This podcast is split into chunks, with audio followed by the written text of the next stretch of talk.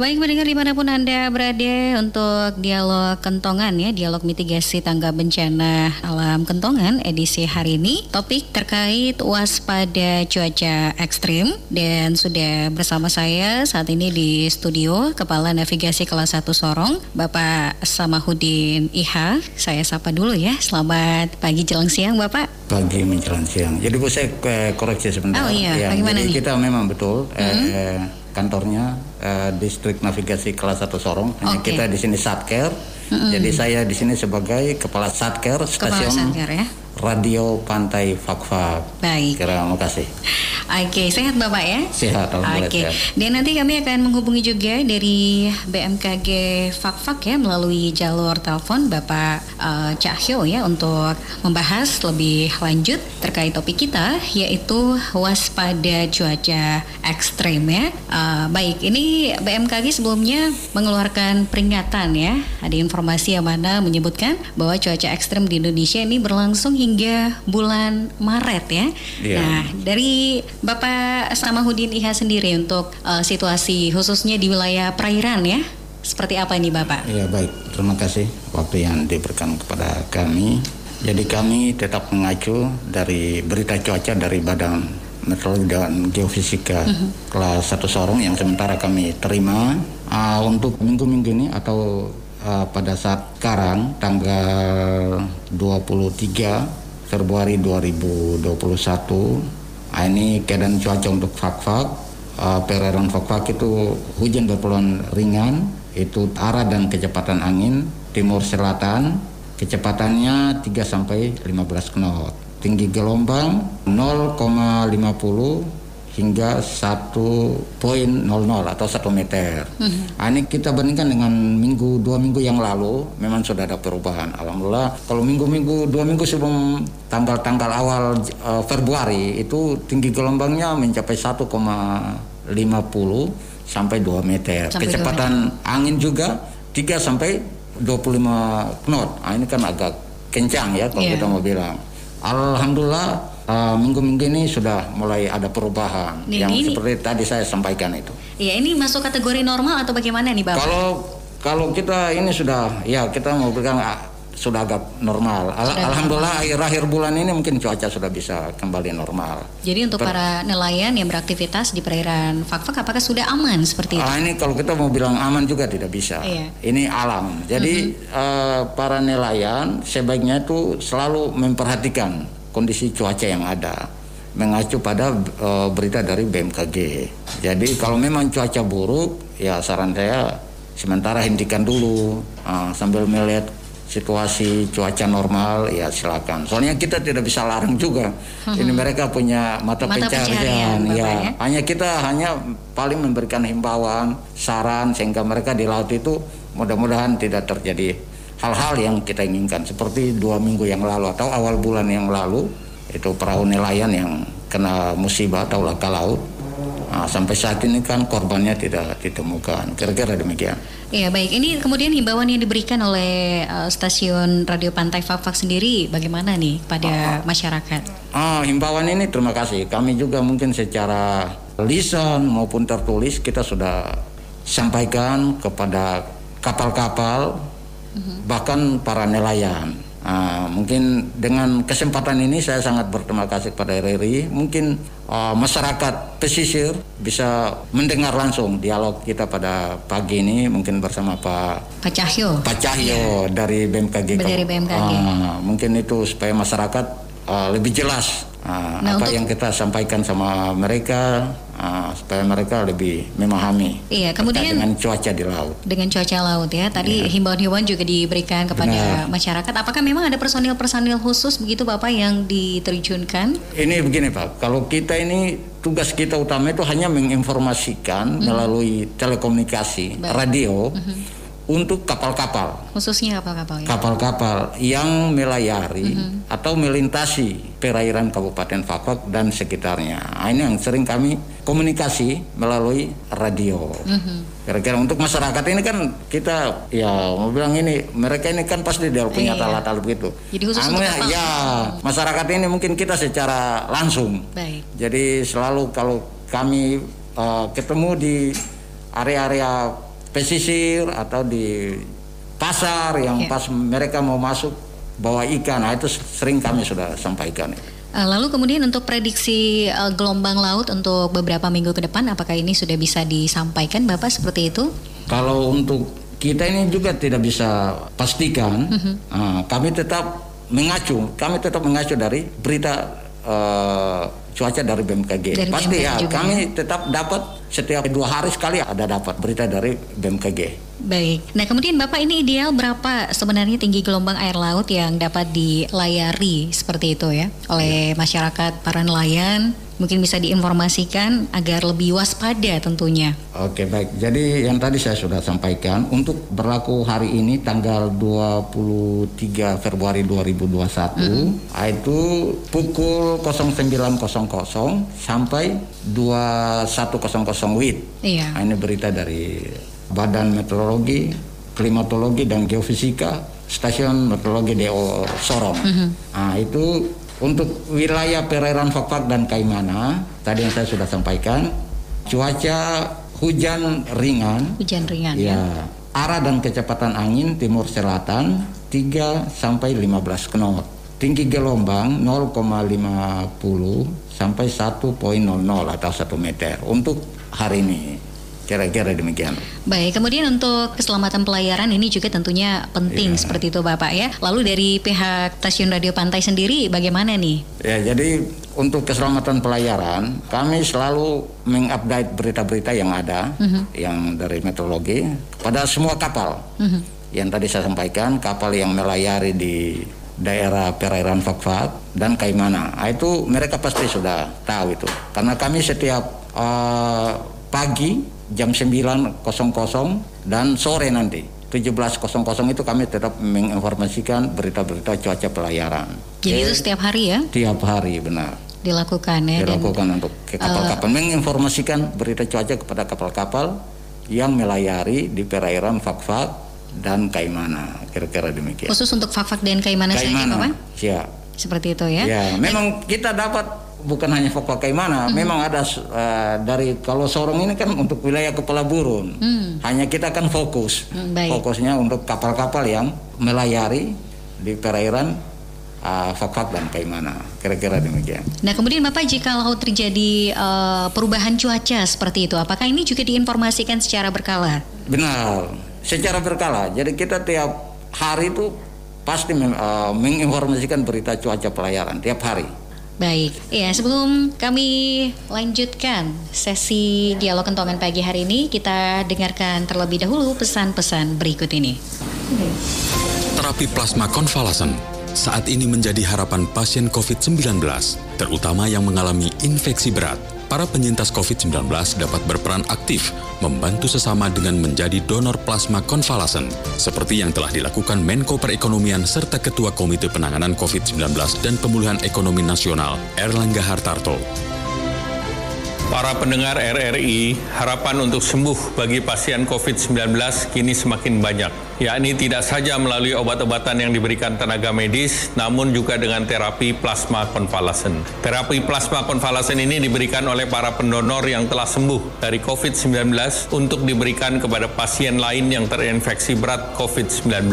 Saya pribadi telah melakukan donor plasma konvalesen ini dengan harapan agar juga dapat diikuti oleh para penyintas COVID-19 lainnya. Pemerintah bersama Palang Merah Indonesia akan memfasilitasi terapi plasma konvalesen sebanyak mungkin. Bila ada 10% saja penyintas COVID-19 melakukan donor plasma konvalesen, maka akan semakin banyak pasien sembuh serta akan mendukung harapan Presiden Joko Widodo agar terbentuk herd immunity pada akhir tahun ini. Saatnya berbuat baik untuk sesama dengan menjadi donor plasma konvalesen. Saya Erlangga Hartarto, Menko Perekonomian, Ketua Komite Penanganan COVID-19 dan Pemulihan Ekonomi Nasional.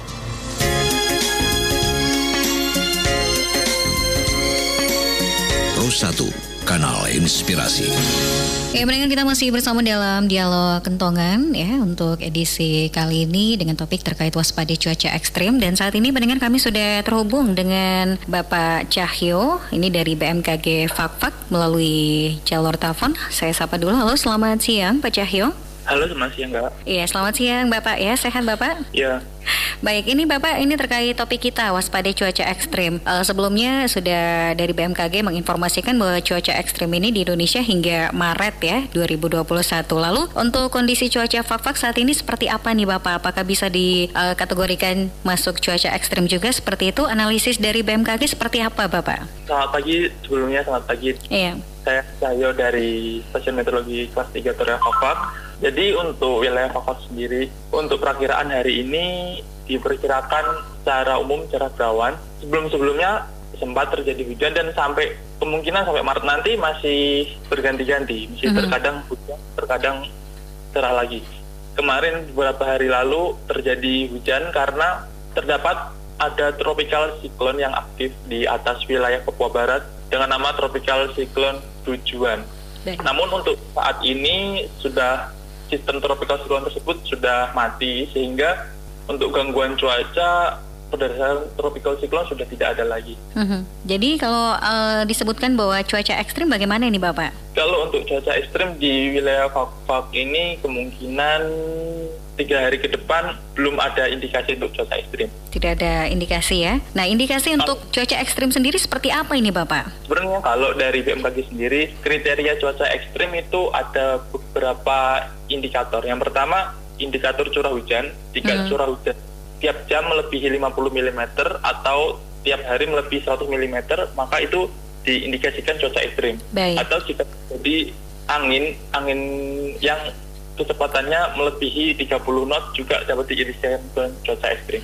Baik, nah Fafak ini Bapak bisa dibilang cuaca biasa pagi panas, tiba-tiba langsung hujan. Nah ini sebenarnya masuk kategori normal atau seperti apa ini Bapak? Untuk di Fafak ini masih masuk kategori normal. Normal. Ya? Sementara ya? cuaca yang terjadi hujan, hujan sebentar, hmm. kemudian hilang masih karena akibat kondisi pembentukan cuaca lokal, di mana di Fafak sendiri kontur daratannya didominasi dengan berbagai tinggian. Ada yang agak tinggi, ada yang rendah. Jadi hal tersebut dapat juga memicu pertumbuhan awan-awan orografis. Baik. Dan uh, Bapak apakah ini menyeluruh di Kabupaten Fakfak? Karena kita ketahui ada beberapa uh, distrik seperti itu Bapak ya? Iya. Ya, ini untuk tiga ini menyeluruh seperti itu menyeluruh ya untuk di wilayah Fakfak. Nah, lalu kemudian untuk gelombang laut sendiri bagaimana ini Bapak dari BMKG sendiri? Nah, untuk gelombang laut terdapat peringatan cuaca buruk. Mhm. -huh. Untuk gelombang laut diwaspadai ketinggian mencapai 1,25 hingga 2,5 meter. Ini di wilayah perairan Samudra Pasifik bagian utara, uh mhm. -huh. terus perairan Fakfak sampai Kaimana, perairan Manokwari, perairan Samudra Pasifik bagian utara Biak serta perairan Pasifik Samudra Pasifik Utara. Baik. Nah, untuk di Papua sendiri ya peringatan dininya hingga ketinggian gelombang mencapai 1,2 hingga 2,5 meter. Jadi juga harus diwaspadai. Iya, kemudian untuk masyarakat yang ingin uh, mengetahui ataupun uh, mengakses ya informasi ini terkait uh, tinggi gelombang, kemudian dengan uh, cuaca fak-fak sendiri juga, ini bagaimana ini Bapak? Oh, untuk mengetahui mhm. -huh. tinggi gelombang, ini peringatan dininya biasanya diterbitkan oleh Badan Meteorologi Sorong uh-huh. dan biasanya kami juga di Fakfak sendiri memiliki media sosial media sosial BMKG Fakfak dan di situ juga biasanya akan kami update setiap hari tentang tentang ketinggian gelombang, tentang cuaca di wilayah seluruh Kabupaten Fakfak, dan kemudian untuk pasang surut. Ya, jadi ini berkala juga ya Bapak disampaikan. Iya. Baik. Oke, terima kasih Bapak. Nanti kami akan kembali hubungi lagi Bapak ya. Dan pendengar ya. sebelum kami lanjutkan dialog kentongan pada pagi hari ini, kita nikmati dulu ya persembahan satu lagu berikut ini. Kanal inspirasi.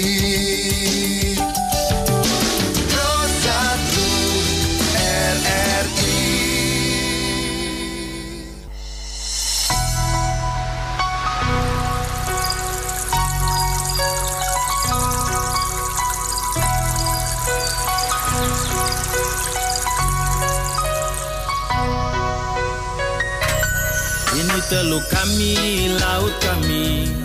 Kami lahir untuk negeri ini. Ini gunung kami, tanjung kami. Bukan pilihan tapi karena takdir. Dibangun atas falsafah Satu tungku tiga batu. Negeri ini akan selalu menghiburmu. Ini negeri kami Biarkanlah kami tetap berjalan Bersama janjimu leluhur Sampai nafas ini berakhir. Hidu, hidu, manina Kami selalu hidup dengan tenang. Hidu, hidu, manina Kami selalu hidup dengan damai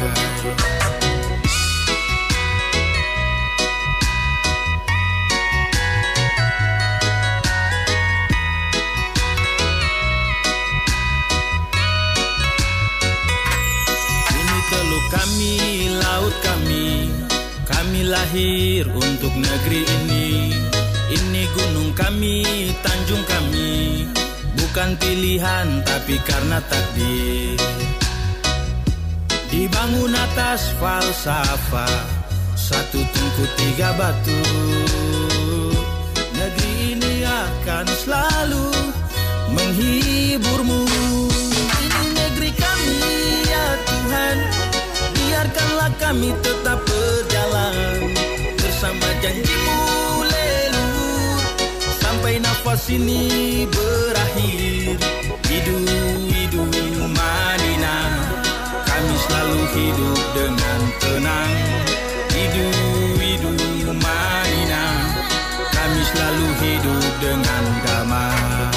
Ini negeri kami Biarkanlah kami tetap berjalan Bersama janjimu leluhur. Sampai nafas ini berakhir.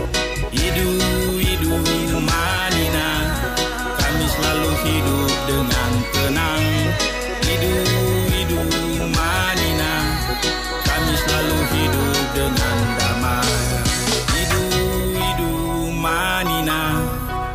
selalu hidup dengan damai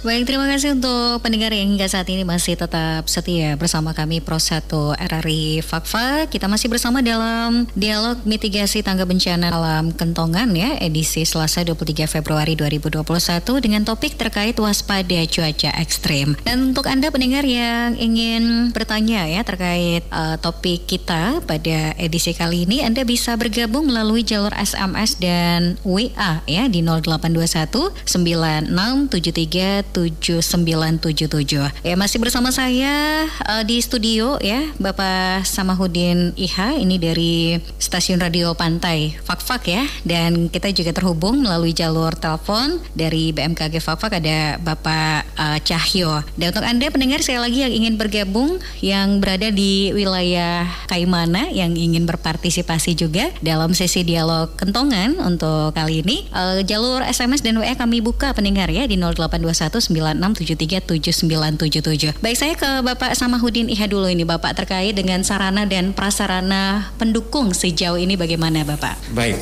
eh, terima kasih. Jadi kami di sini eh, untuk sarana dan prasarana karena sebagai satker, jadi kami di sini hanya satu bot. Mhm. Nah, Itu juga tipenya tidak terlalu besar. Hanya bot ini kita tujuannya untuk utama untuk pengawasan Baik. pengawasan untuk sarana bantu navigasi pelayaran yang ada di wilayah perairan Kabupaten Fakfak. Mhm. Nah, terus yang kedua, apabila mungkin ada seperti kemarin bencana atau musibah laka laut, Iya. nah, itu kami tetap berpatokan apabila memang dibutuhkan dari tim SAR, nah, tetap kami siap. Baik. Karena tugas kita utama di sini sebagai radio pantai ini sebenarnya bukan di kategori masuk SAR. yang masuk dalam kategori SAR itu dari kita perhubungan laut itu Coast Guard. Baik. Ya, jadi kami ini hanya tujuannya untuk memantau, memantau selama kapal yang berlayar mulai dari pelabuhan asal sampai ke pelabuhan tujuan itu dalam keadaan aman Baik. dan selamat itu tujuan kita, tugas kita utama itu. Tujuannya eh, melakukan pemantauan, seperti itu ya. Pemantauan, Nah ini pemantauan ini yang dilakukan ini seperti apa ini Bapak? Ah, mungkin satu kita komunikasi dengan kapal, minta data kapal, posisi dini hari, ah, terus mungkin terkait dengan cuaca yang di laut, termasuk dengan eh, perkiraan tiba. Yang, eh, contohnya kapal itu dia dari ah, Surabaya mau ke Fakfak. Ah, itu kita komunikasi, kita tetap catat data yang informasi yang kami terima dari kapal, rencana tibanya di Fakfak, terus eh, posisi dini harinya di mana itu kita tetap catat di logbook. Apabila sewaktu-waktu kapal ini hilang kontak, ah, ini informasi ini kita untuk informasikan ke SAR. Contohnya, oh saya ada kontak terakhir tanggal sekian jam sekian, kapal ini posisinya di sini. Ini untuk mempermudah, mempermudah SAR untuk tindak Pencarian, Ya benar itu tuju- itu tugas kita itu. Baik. Koordinat yang kita sampaikan kepada SAR itu tugas SAR untuk proses pencariannya tugas SAR. Proses selanjutnya itu. Ya, kita ini hanya menerima berita dan teruskan. Laporkan ke ya. SAR, ya. Itu tugas kita. Jadi untuk sarana dan prasarana ini sudah cukup mendukung Bapak sejauh ini ya? Kalau kita di sini saya pikir untuk sarana ini kecil, jadi tidak bisa untuk jauh-jauh, paling dalam kolam ya, kolam badar. Kalau kita sarana yang ini tetapnya di Sorong, pangkalan kita di Sorong. Yang lebih memadai Ya, itu Bapak ya? itu di eh, distrik navigasi kelas 1 Sorong. Itu wilayah kerjanya memang luas. Dia Sorong, dia membawahi Manokwari, eh, Fakfak, eh, Bintuni, Sorong Selatan, Raja Ampat, termasuk Kaimana, Timika. Ada tujuh daerah itu di wilayah kerjanya masuk dalam wilayah kerja distrik navigasi kelas 1 Sorong. Iya, kemudian terkait kalau eh, adanya gelombang tinggi seperti itu Bapak ya untuk Ya. pelayaran, apakah ada surat-surat untuk eh, dilarang melakukan pelayaran? Ya benar. Jadi itu langsung dari pusat dari Direktorat Jenderal Perhubungan Laut itu ada mapel. Itu berlaku untuk Nusantara, berarti seluruh Indonesia. Ada ketentuannya memang ada. Bapak ya? Itu kalau ekstrim yang kita terima dari BMKG pusat itu langsung dimapelkan dari eh, kantor pusat. Dalam arti Direktorat Jenderal Perhubungan Laut dia mapelkan untuk semua UPT yang ada di daerah. Nah, dengan data mapel itu kita informasikan lagi kepada kapal-kapal Baik. itu dari pusat. Nah, umpama yang kita sementara ini ambil dari UPT Sorong. Dan sejauh ini kalau di eh, untuk tahun 2021 apakah sudah kemarin ada, kemarin tanggal 18 ada itu eh, mapel dari eh, pusat Ah, itu tanggal 18 kemarin. 18 Februari 18 ya? Februari. Baik. Ah, itu kita juga sudah informasikan, tapi itu mencakup keseluruhan. Secara keseluruhan ya? Indonesia. Baik. Benar. Ya ini ada yang bergabung melalui WA dari Bapak Arendi. Selamat siang Bapak narasumber. Ini di Fakfak telah terjadi sebelumnya laka laut yang mengakibatkan salah satu korban hilang. Apakah hal ini merupakan eh, salah satu penyebab kurang adanya kesadaran masyarakat terhadap pentingnya keselamatan ketika berlayar? Bagaimana ini Bapak tanggapannya? Ya, terima kasih. Itu pertanyaan sangat bagus. Jadi kita masyarakat di sini kadang mereka melaut itu tidak dilengkapi dengan sarana-sarana keselamatan atau penolong. Mhm. Jadi ah, ini salah satu faktor. Ini yang selalu masyarakat tidak paham itu. Padahal ini kalau kita lengkapi, ah, ini mungkin dia bisa pada saat kita kecelakaan, ah, ini kan sebagai pertolongan pertama ini alat-alat seperti life jacket, life buoy sebelum ada pertolongan dari pihak SAR.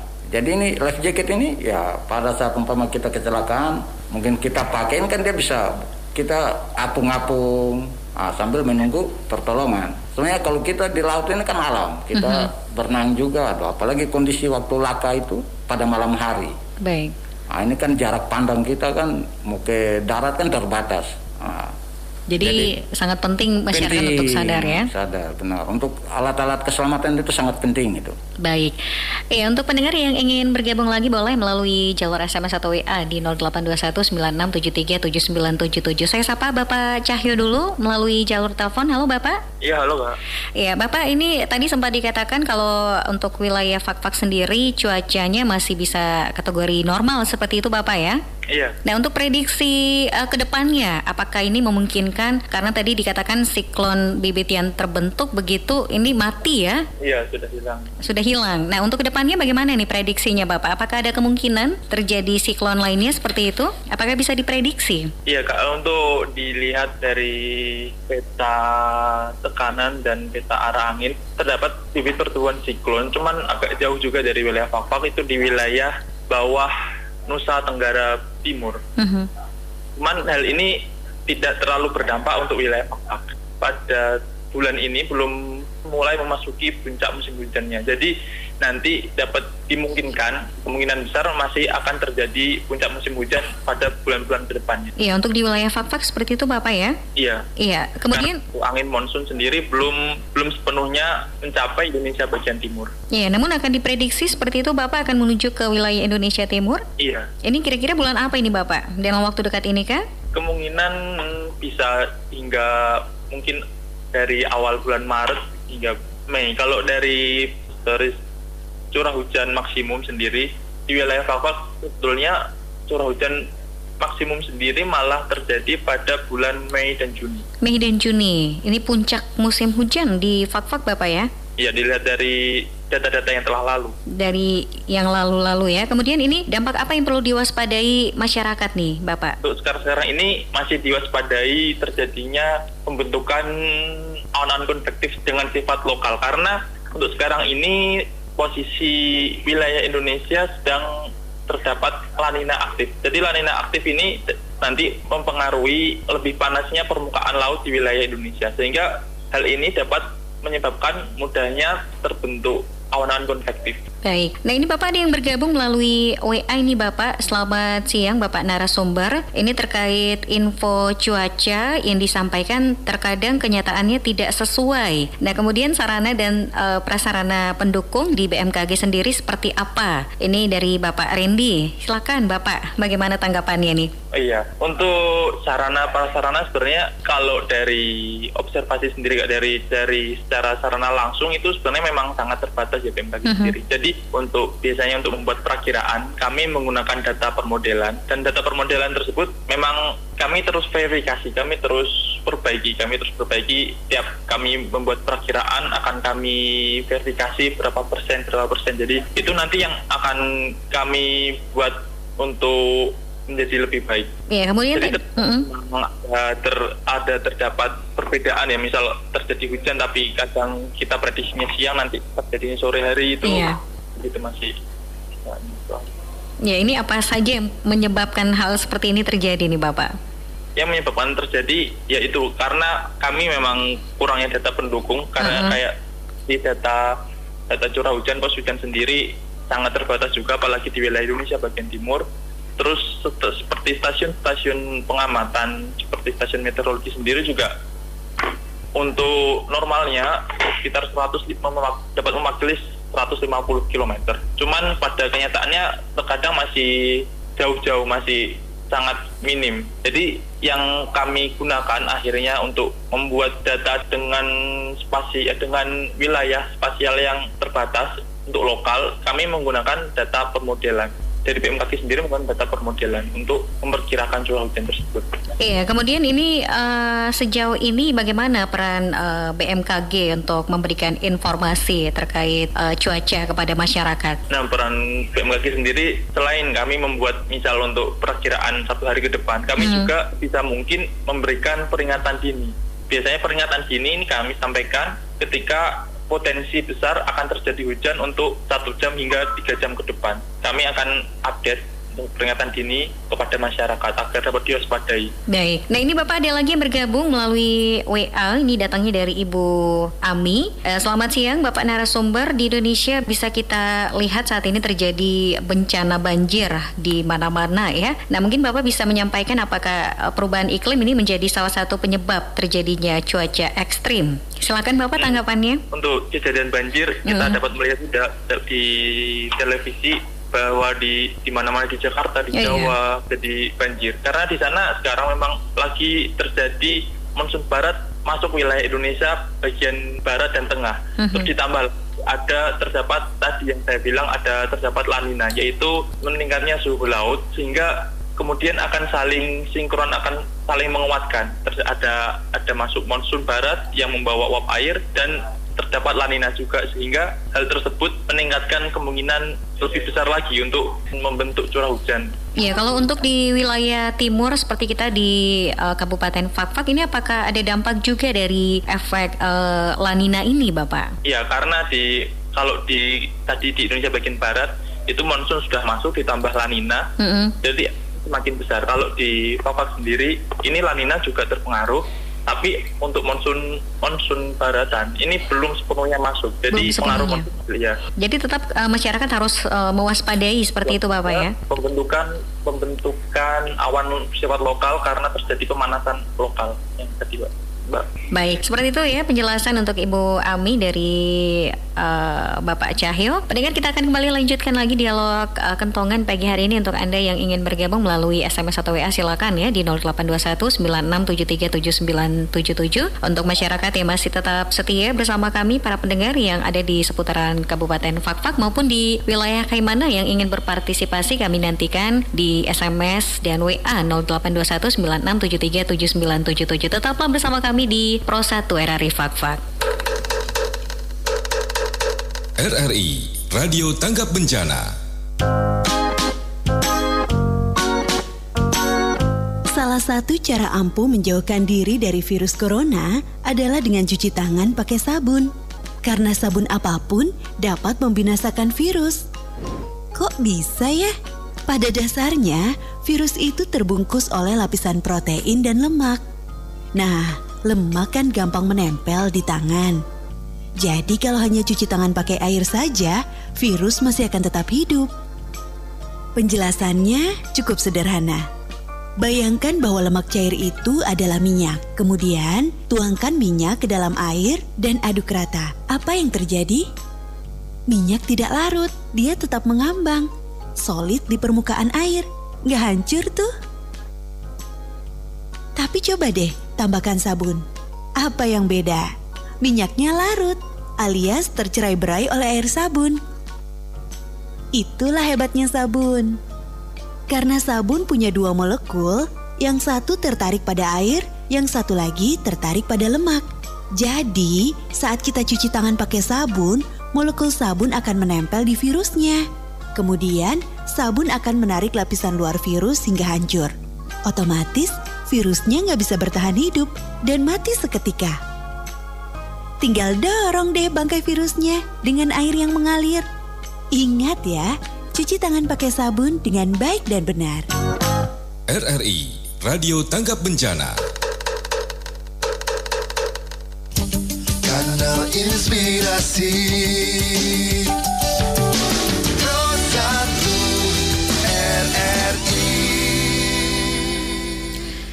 Ya mendengar kembali kami lanjutkan lagi ya sesi dialog kentongan untuk edisi hari ini 23 Februari 2021 dengan topik terkait waspada cuaca ekstrim dengan dua narasumber melalui jalur telepon ini ada Bapak Cahyo ini dari BMKG Fakfak ya kemudian masih bersama saya di studio saat ini Bapak Samahudin Iha dari uh, stasiun radio Pantai. Nah untuk pendengar yang ingin bergabung melalui jalur SMS dan WA juga kami masih nantikan partisipasi Anda. Baik, saya ke Bapak Samahudin Iha lagi dulu ya. Ini terkait dengan peran uh, stasiun radio Pantai dalam memberikan uh, informasi kepada masyarakat uh, sejauh ini bagaimana nih Bapak? Iya, terima kasih.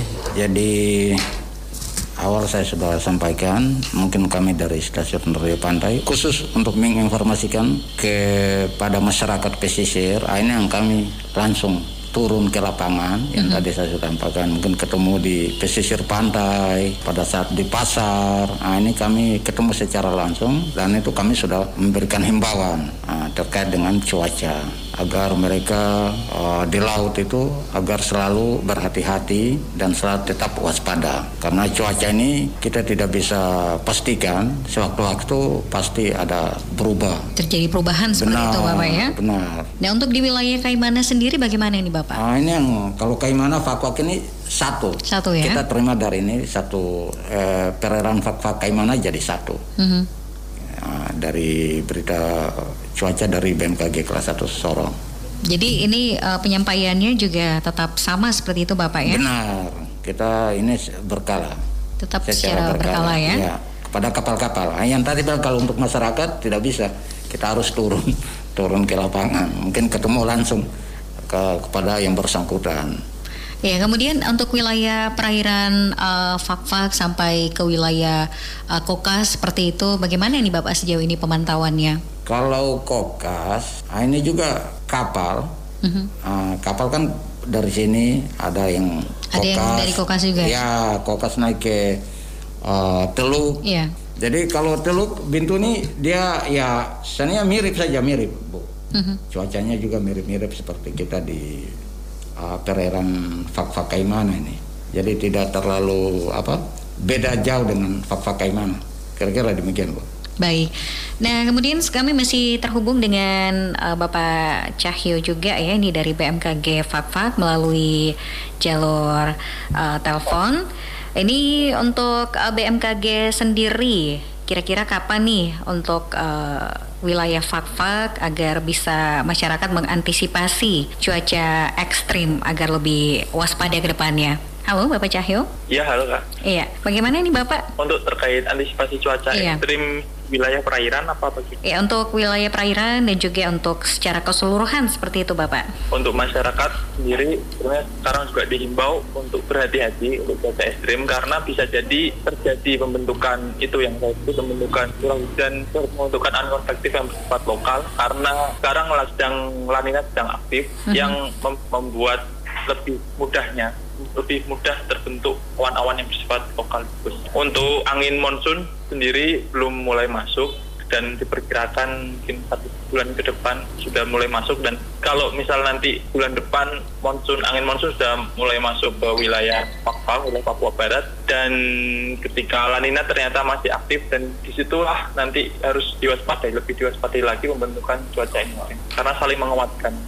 Iya, kemudian untuk uh, lanina sendiri ini prediksinya sampai bulan apa Bapak untuk masyarakat agar lebih waspada seperti itu? Karena kita juga di fak-fak tadi dikatakan uh, terdampak dari lanina ini ya Bapak ya? Iya, ini kalau dari data SOI, Oscillation Index ini lanina mulai dari Desember Desember 2020 dan menguat menguat maksimum pada bulan Januari pertengahan dan ini mulai turun tapi masih menunjukkan lanina aktif pada bulan Februari ini.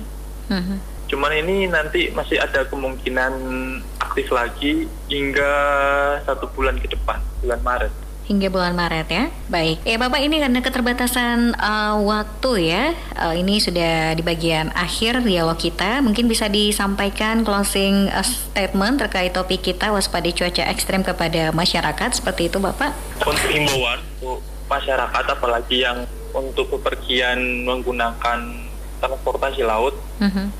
Dihimbau untuk lebih berhati-hati dan meningkatkan kewaspadaannya jika terjadi sewaktu-waktu terjadi perubahan cuaca secara mendadak karena nanti dapat menyebabkan termasuk tingginya gelombang dan hujan badai di wilayah laut. Itu saja ya Bapak? Ya untuk yang untuk di wilayah daratan juga diwaspadai bisa jadi terjadi hujan-hujan hujan-hujan yang bersifat lokal walaupun tidak sepanjang hari tapi harus diwaspadai juga. Diwaspadai juga, baik.